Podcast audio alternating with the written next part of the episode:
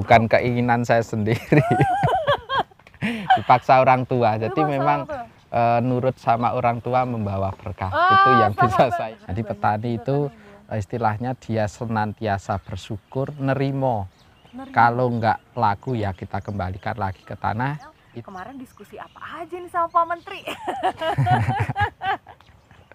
Kayaknya seru banget. kasih nggak ya ini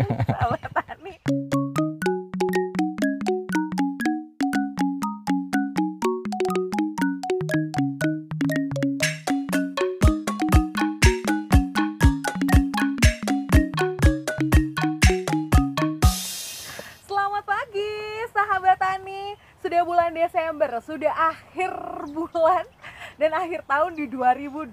Sudah sampai mana nih resolusi dari sahabat tani? Hmm, tenang, belum tercapai semua? Take it easy, it's okay sahabat tani. Mungkin resolusi kita di tahun 2021 akan berpindah haluan.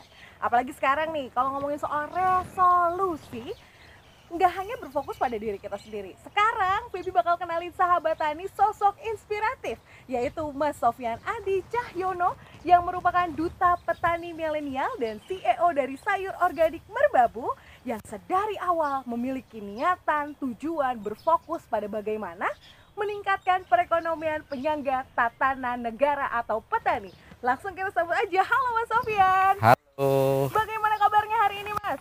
alhamdulillah prima Prima, wuh luar biasa sekali. Mas Sofian ini kan punya niat dan tujuan untuk membantu petani, ya kan?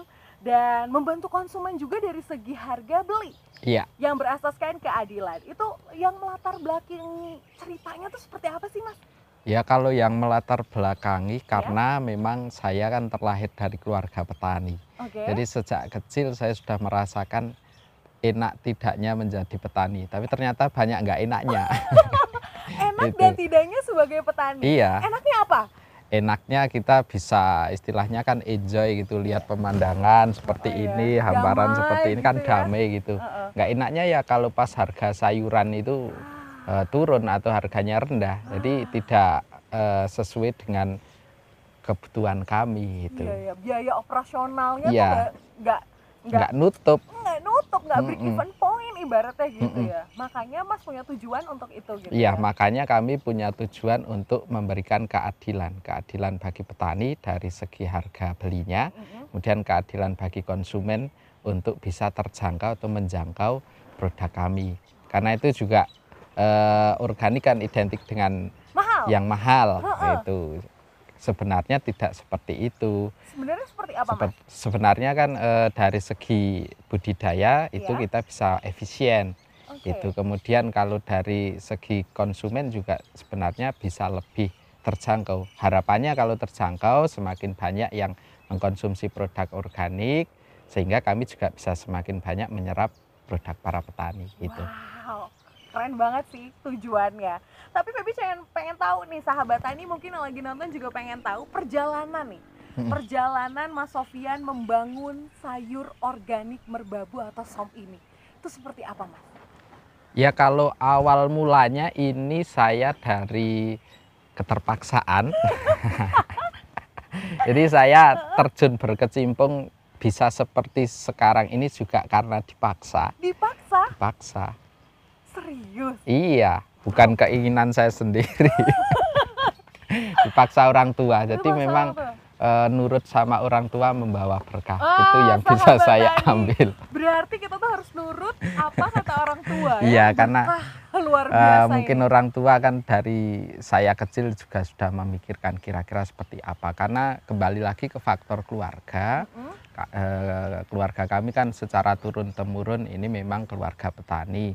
Tapi di generasi saya yang ketiga ini itu mulai banyak saudara-saudara di keluarga kami yang mulai meninggalkan sektor pertanian.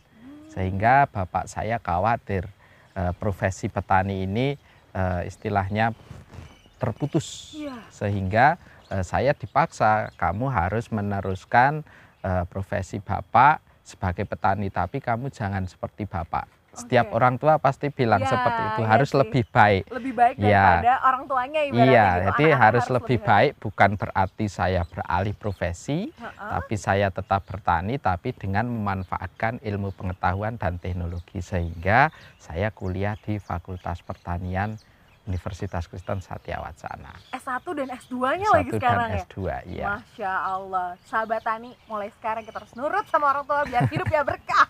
Gimana nggak berkah coba? Bisa ketemu sama Pak Menteri. Iya, nggak? Pak Menteri bukan ketemu lagi, dia datang kan ke sini. Iya, Ya nggak sih? Sama orang-orang hebat Pak Ganjar. Siapa lagi luar biasa itu kan?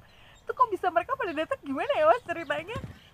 ya mungkin eh, beliau-beliau melihat aktivitas kami di media sosial Oh, karena ya? kita juga selain fokus bertani, menggarap eh, lahan, berkebun, itu Heeh. juga semua aktivitas kita publikasikan istilahnya lewat media sosial Sosial. biar eh, semua masyarakat tahu. Nah, mungkin salah satunya adalah Pak Menteri dan juga Bapak Gubernur.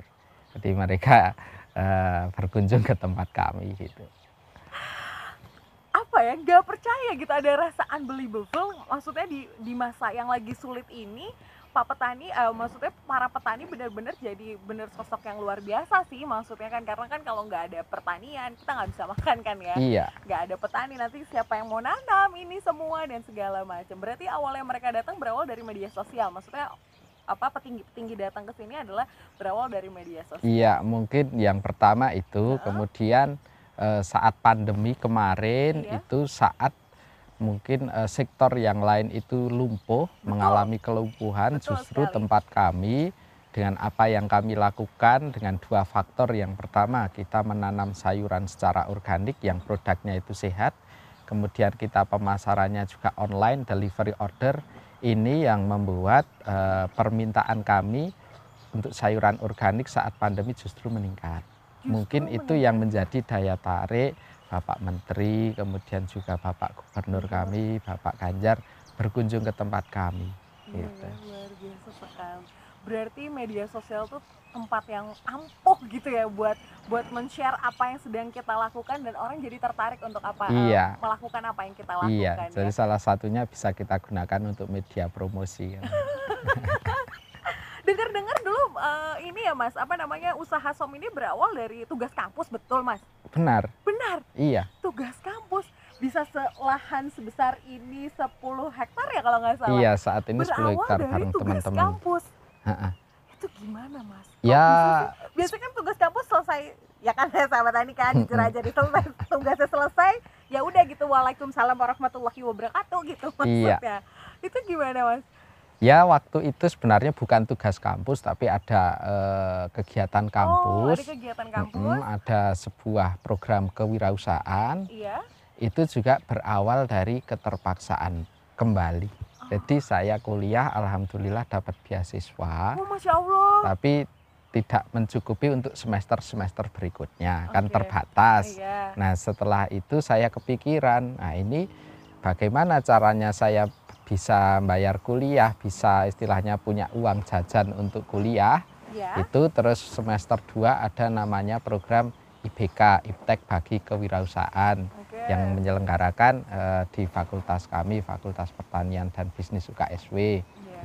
Itu sehingga saya kepikiran saya punya sayur, gimana kalau ini tak buat istilahnya usaha saya, paling enggak untuk bisa meringan, meringankan biaya orang tua supaya saya bisa tetap terus kuliah. Oh, iya. Itu awal mula seperti itu. Oh, seperti. Kemudian eh, juga karena faktornya kami selama eh, saya sampai tahun 2014 itu juga kami belum bisa memasarkan eh, produk pertanian secara tadi berkeadilan. Ya. Jadi harganya juga tetap ngikut ke tengkulak. Iya.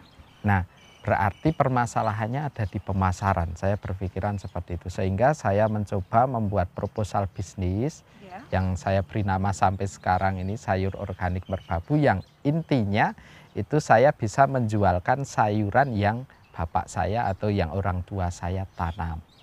Itu awal mula seperti itu terus kemudian eh, diseleksi seleksi seleksi alhamdulillah juara satu. juara satu Wah, Jadi berarti kalau saya dapat- gitu satu gitu-gitu uang pengajuannya berarti Nah, itu jadi setelah dapat eh, sertifikat sama piagam kan dapat amplopnya nih ya kan seneng ini. sesuai dengan eh, rencana anggaran Iya, belanja sesuai kita. dengan rencana anggaran belanjanya Iya, untuk anggaran. modal usaha awal itu Iya. saya buka alhamdulillah sesuai 15 juta, tapi nolnya gelinding satu.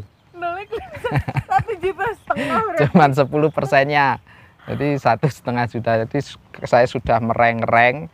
Kira-kira modalnya buat beli apa, beli apa, beli apa. Iya. ternyata cuma 10 persennya aja. Jadi sebuah malakama itu, sebuah dilema mau tak terima kok kurang, nggak tak terima wong saya sudah menang. Iya. Jadi akhirnya saya manfaatkan satu setengah juta itu untuk beli hand wrapper namanya, alat untuk mengemas sayur Oh. supaya sayurannya bisa saya kemas Iya. seperti yang ada di supermarket supermarket. Awal mula seperti itu. Oh, seperti itu. Iya. Satu juta lima ratus ribu rupiah. Ya, Yang sekarang omsetnya berapa nih mas?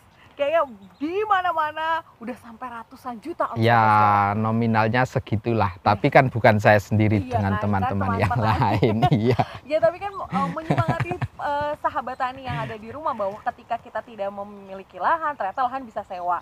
Ketika Iya. kita tidak punya uang di kantong misalnya cuma ada satu juta setengah misal gitu kan, ternyata bisa loh dipakai untuk usaha usaha gitu loh maksudnya. Ya titik poinnya adalah itu, yang penting ya usahanya itu bukan modalnya. bukan modalnya Iya. ya. Terus waktu usaha perjalanan usahanya sampai akhirnya bisa sampai kejual itu gimana mas? Untuk Ya awal ini? mula itu launchingnya Iya, waktu itu di acara namanya Agrik Party, jadi semacam pesta panen itu Oh, di fakultas kami di situ ada pentas seni, ada live music, ada tari-tarian. Nah Oke. saya sewa stand, Oh sewa saya stand. sewa- sewa stand untuk memperkenalkan produk dan bayar alhamdulillah. berapa stand itu? stand bayar nggak kalau itu bayar juga. Jadi tombok ini aduh tombok. Aduh.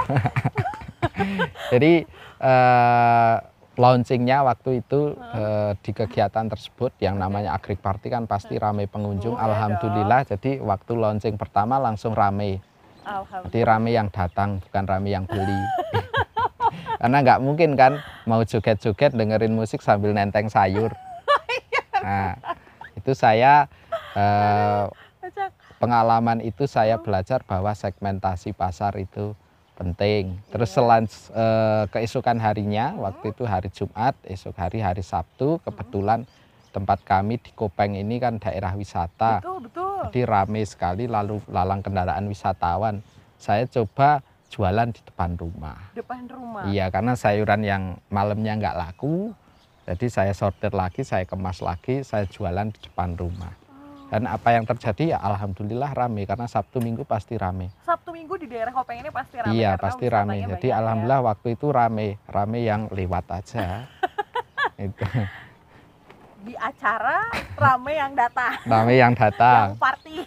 Iya. yang dengerin musik. Mm-mm. Pas di sini rame rame yang lewat. Rame yang lewat. Itu juga belajar segmentasi pasar juga. Segmentasi Iya. pasar Ternyata kalau yang di pinggir jalan ya kalau sayuran ditata apa adanya nggak terlalu bagus nggak apa-apa yang penting murah. Hmm. Kalau kita jualan sayur dikemas seperti di supermarket, jualnya di pinggir jalan, ternyata nggak laku. Ternyata nggak laku. Nah itu itu yang namanya Aneh ya? apa segmentasi pasar pasar. seperti itu, sehingga kita harus menetapkan segmentasi pasar terhadap produk kita. Wah itu penting. Itu yang penting. Wah, Itu satu dua dua kali gagal, tiga kali saya coba lagi. Jadi coba lagi. masih tak gosok ternyata keluarnya coba lagi kan gitu. Coba lagi. Iya gitu. coba lagi yang ketiga saya coba Heeh. eh, delivery order. Fully order. Iya, jadi waktu itu kan media sosial juga belum sepesat Ya, sekarang. bener-bener. Pada itu tahun berapa sih mas kalau 2014. Ah, launchingnya 2014. Mm-mm, jadi Oke. saya pakai brosur, sebar kartu nama di kompleks-kompleks perumahan yang menurut saya ini perumahan menengah ke atas Iya, lah itu. segmentasi pasarnya. Segmentasinya itu. Heeh, jadi seperti itu. Ya alhamdulillah satu dua mulai ada yang pesen. Jadi saya sebelum masuk kuliah Iya. antar sayur dulu ke perumahan-perumahan. Oke. Jadi, jadi kalau masuk di klasifikasi mahasiswa waktu itu saya masuk di klasifikasi mahasiswa kupu-kupu. Mahasiswa kupu-kupu. Mm-mm. Kuliah Kuliah pulang, kuliah Kuliah pulang. pulang. Jadi kuliah pulang ke lahan nanam sayur nanti pagi eh, malamnya packing sayur nerima order paginya ngantar kuliah lagi itu aktivitas saya seperti itu Tapi kan ter- akhirnya dituai sekarang. Ya, Di umur yang amat sangat muda, Feby eh, sangat bangga sebagai orang Indonesia dan sebagai yang bawa konten ini Tani juga bangga karena umur di 25 tahun sudah bisa sehebat ini gitu. Siapa yang nggak tahu Som? Ya kan, Feby jujur nih ya sahabat Tani di supermarket udah pernah lihat, ya Iya. kan? Udah gitu di warung-warung eh, sayur juga ada gitu kan.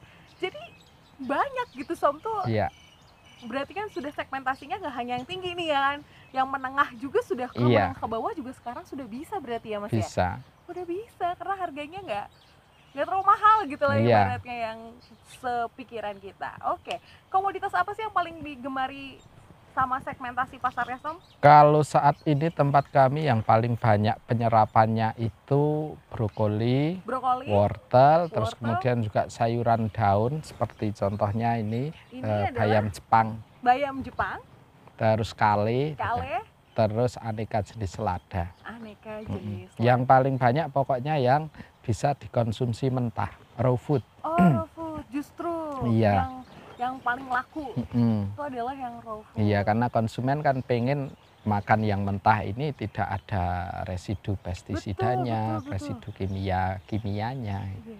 Gitu. Iya, jadi sehat gitu ya, Mm-mm, sehat sehat. petaninya, juga sehat ke badan kita sebagai Mm-mm. konsumen yang makannya.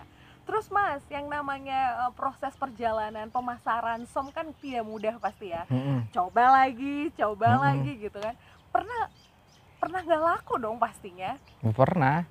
Kalau misalnya nggak laku nih, pengenanganan untuk sayuran organik seperti apa? Karena yang Feby tahu sayuran organik itu rentan panas, ya kan? Mm-mm. nggak bisa terlalu kena panas Hmm. terus juga nggak tahan lama juga karena memang tidak mengandung pestisida dan segala macam gitu organik gitu Mm-mm. itu gimana mas cara Ya, Karena memang produk kita sayuran, sayuran itu produk yang mudah rusak. Oh, Jadi waktu itu ya kalau nggak laku kita kembalikan lagi ke tanah, kembalikan dibuat lagi kompos. ke tanah oh, Iya. jadi buat kompos Mm-mm.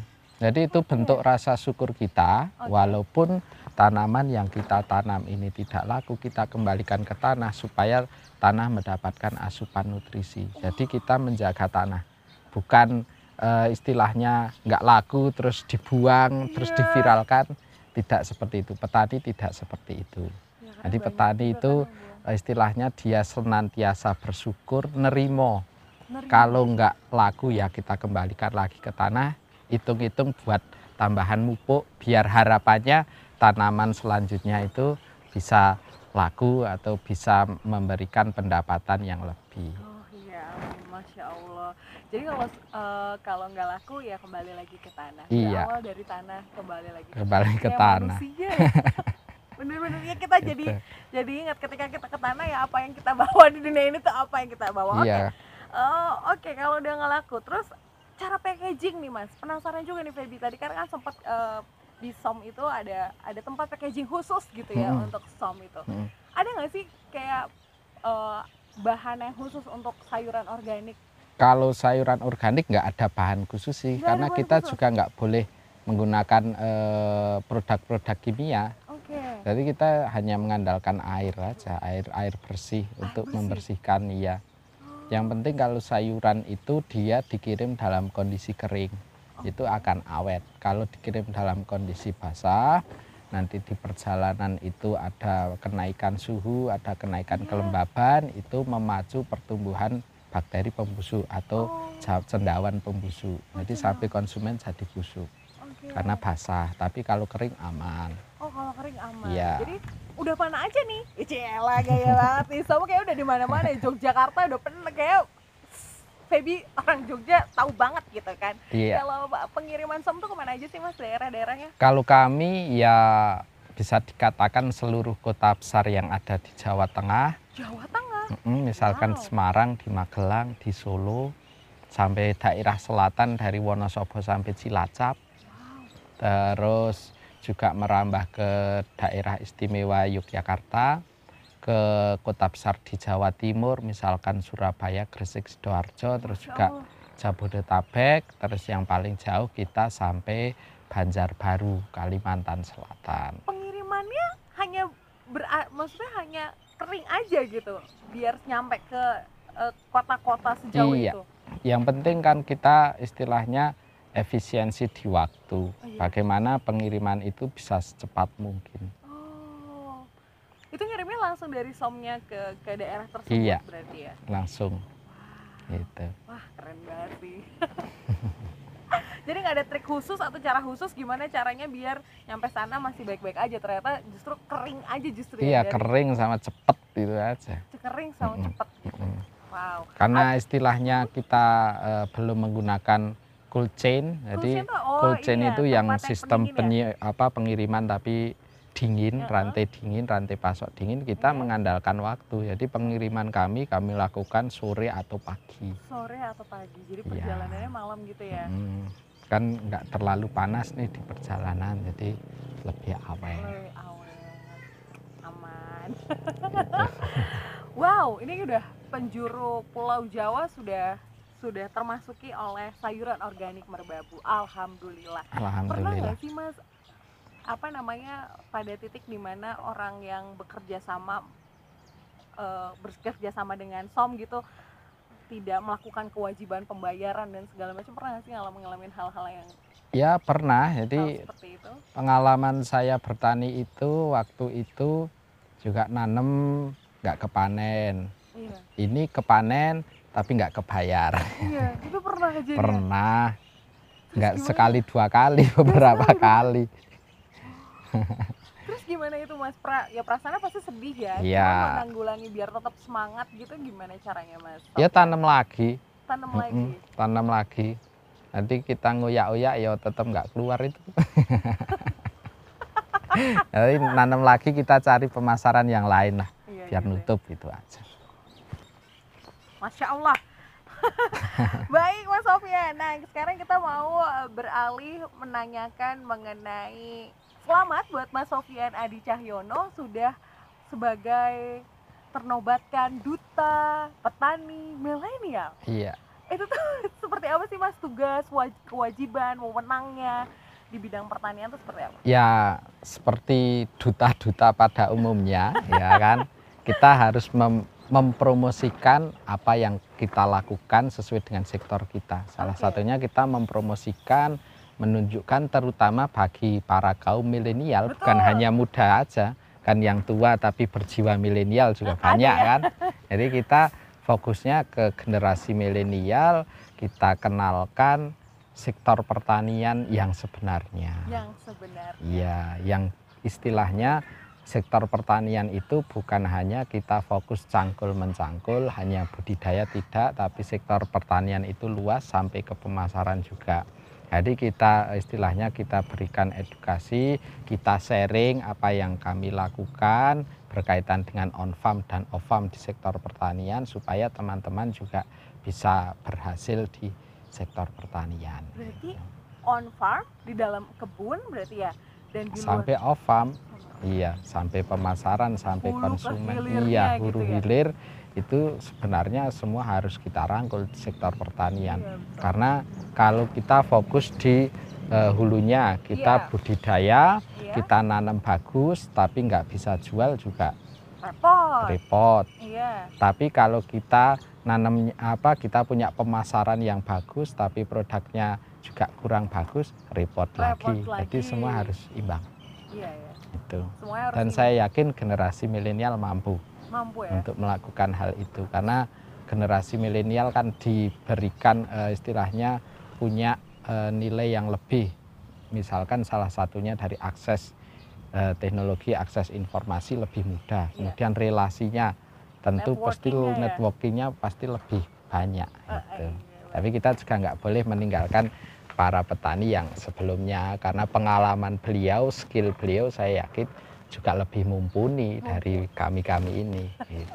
Makanya nggak heran slogannya Mas Sofian dan eh, teman-teman dari kelompok tani Citra muda Citra Muda ini adalah yang muda yang yang bertani bertani Iya. gitu ya. Wah. harapannya anak-anak muda juga tertarik untuk bertani gitu. udah udah dinobatkan sebagai duta petani milenial kemarin diskusi apa aja nih sama Pak Menteri? Kayaknya seru banget. Kasih tahu nggak ya dong, ini? tani. Kayak wah gitu ya. Ber, apa kayak kalau aku lihat foto agak pucet-pucet seneng gimana.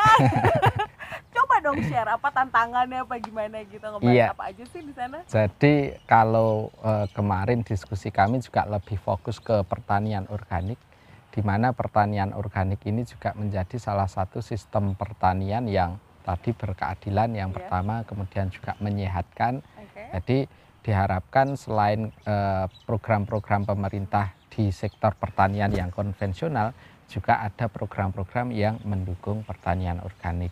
Karena eh, secara data itu ternyata produk-produk yang digemari konsumen dalam negeri dan juga luar negeri yang meningkat, yang sampai bisa ekspor itu juga kebanyakan produk-produk organik Oh iya. itu jadi eh, kita punya istilahnya negara Indonesia ini punya eh, sumber daya alam yang luar Iya, biasa betul. Surga. surganya pertanian kalau Iya. menurut saya itu jadi ha- seharusnya salah satunya itu juga bisa dikelola secara organik secara sehat itu karena pengalaman saya juga waktu belajar di Taiwan itu teman-teman petani yang lain itu sebenarnya iri terhadap negara Indonesia? kita iya karena di sana kalau mau nanam itu di Korea sama di Jepang itu kalau mau nanam yang normal ya jadi Mhm. tidak memanfaatkan teknologi yang canggih itu cuman bisa nanam waktu musim semi sampai musim panas jadi musim gugur sampai musim dingin udah nggak bisa nanam kalau Cuma kita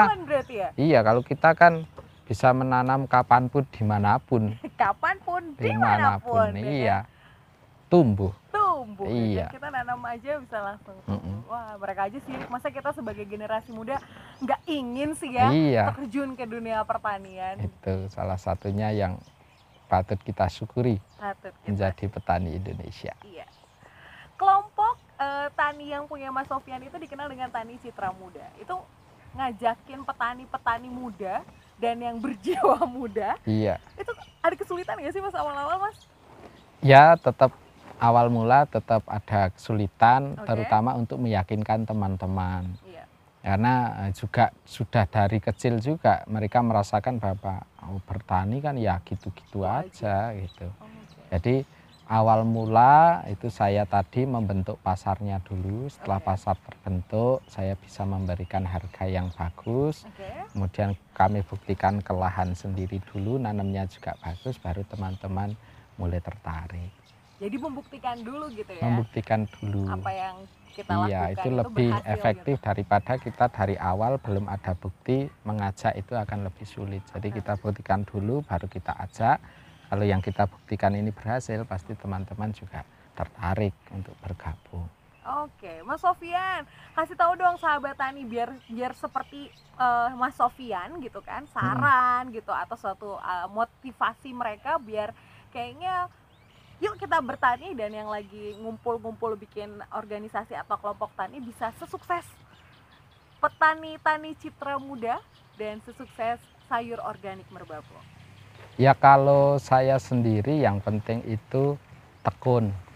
Tekun yang pertama jadi kita tekuni aktivitas apa yang kita lakukan jangan berganti-ganti supaya eh, masyarakat luas mengenal apa yang kita lakukan. Salah satunya kalau saya sendiri kan saya fokus bergerak di pertanian organik itu yang pertama. Terus yang kemudian yang kedua kita gali dulu sumber daya alam yang potensial di tempat kita masing-masing seperti apa Oke. Kemudian kita gali permasalahan apa yang muncul dari situ, kemudian kita carikan solusi.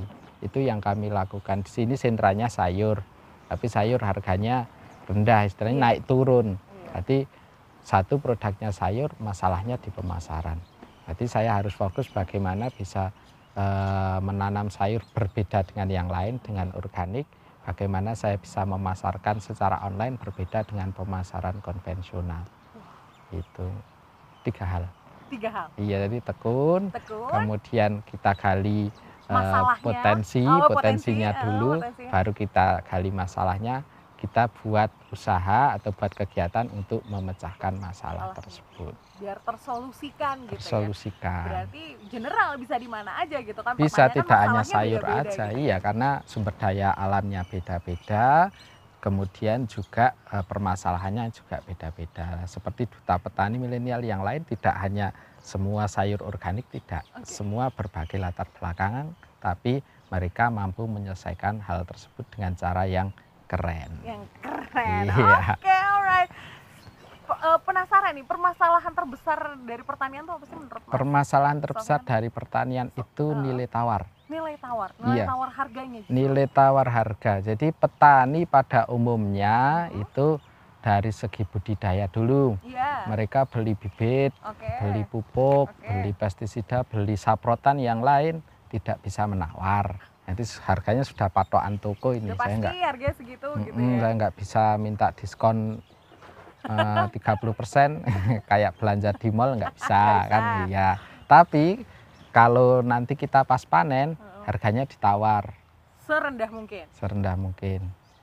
Jadi tidak punya nilai tawar petani itu, terutama di pemasaran. Sehingga eh, kami di sini juga bagaimana bisa menciptakan sistem pasar yang baru, itu tidak ngikutin alur yang sudah berjalan.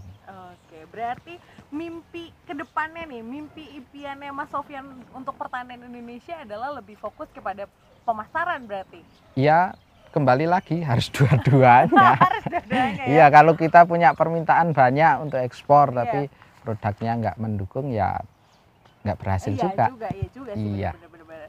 Terus kebijakan eh, kebijakan apa yang diinginkan atau yang dibutuhkan oleh petani menurut Mas Sofyan?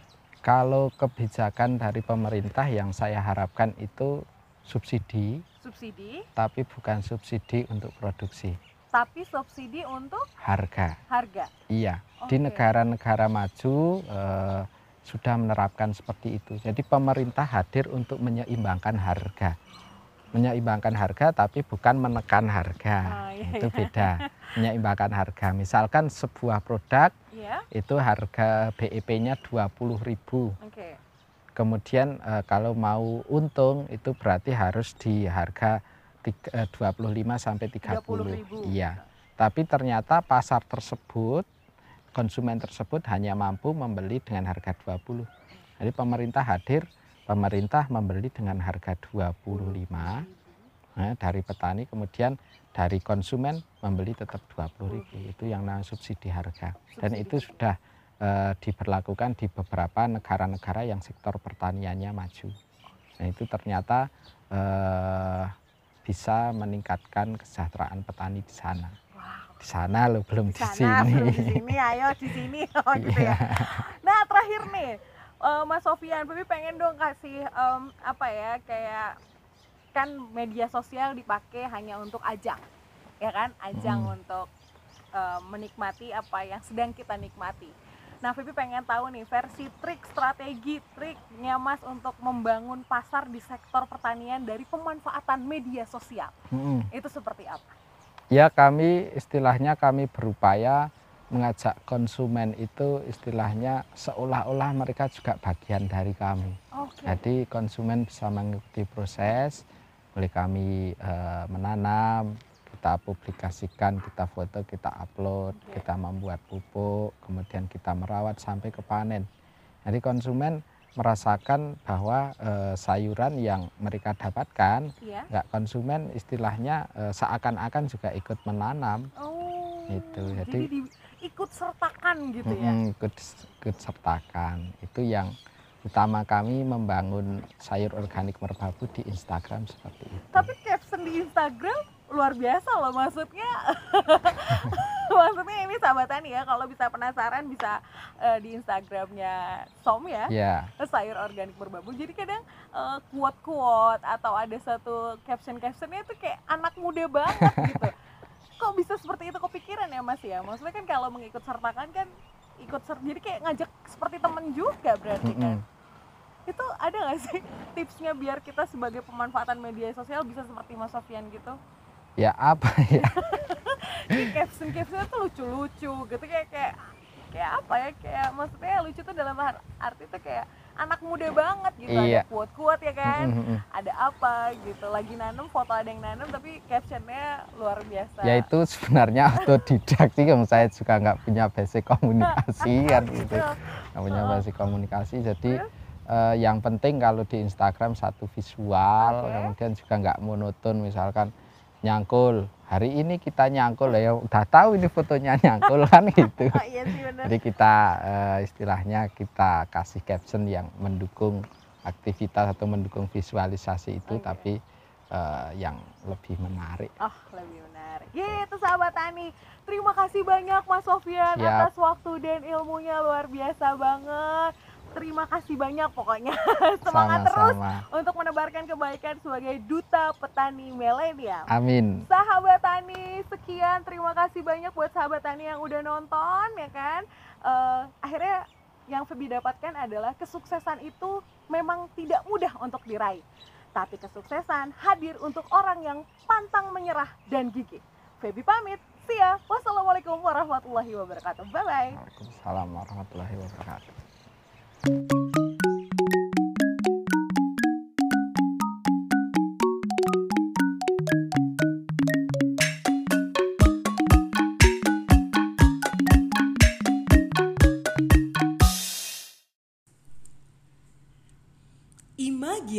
Imagiri in standard Japanese spelling is a royal graveyard complex in Yogyakarta, in South Central Java, Indonesia, as well as sub-district under the administration of Bantul Regency. Imagiri is a traditional resting place for the royalty of Central Java including many rules of the Sultanate of Mataram and of the current houses of Surakarta and Yogyakarta Sultanate. The name Imagiri is derived from Sanskrit Himagiri, which means mound of snow. The latter is another name of Himalayas.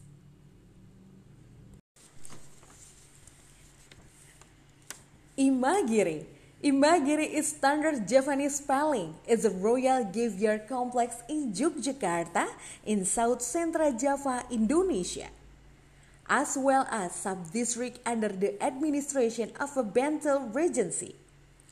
Imagiri is a traditional resting place for the royalty of Central Java, including many rules of the Sultanate of Mataram and of the current houses of Surakarta and Yogyakarta Sultanate.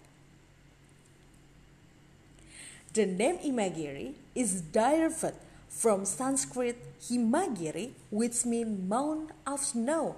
The latter is another name of Himalayas. Imagiri. Imagiri in standard Japanese spelling is Royal Graveyard Complex in Yogyakarta, in South Central Java, Indonesia, as well as sub-district under the administration of Bantul Regency. Imagiri is a traditional resting place for the royalty of Central Java, including many rules of the Sultanate of Mataram and of the current houses of Surakarta and Yogyakarta Sultanate. The name Imagiri is derived from Sanskrit Himagiri, which means mountain of snow, the latter another name of Himalayas. Imagiri. Imagiri in standard Javanese spelling is Royal Graveyard Complex in Yogyakarta, in South Central Java, Indonesia, as well as sub-district under the administration of Bantul Regency. Imagiri is a traditional resting place for royalty of Central Java, including many rules of the Sultanate of Mataram and of the current houses of Surakarta and Yogyakarta Sultanate. The name Imagiri is derived from Sanskrit Himagiri, which means mountain of snow. The latter is another name of Himalayas.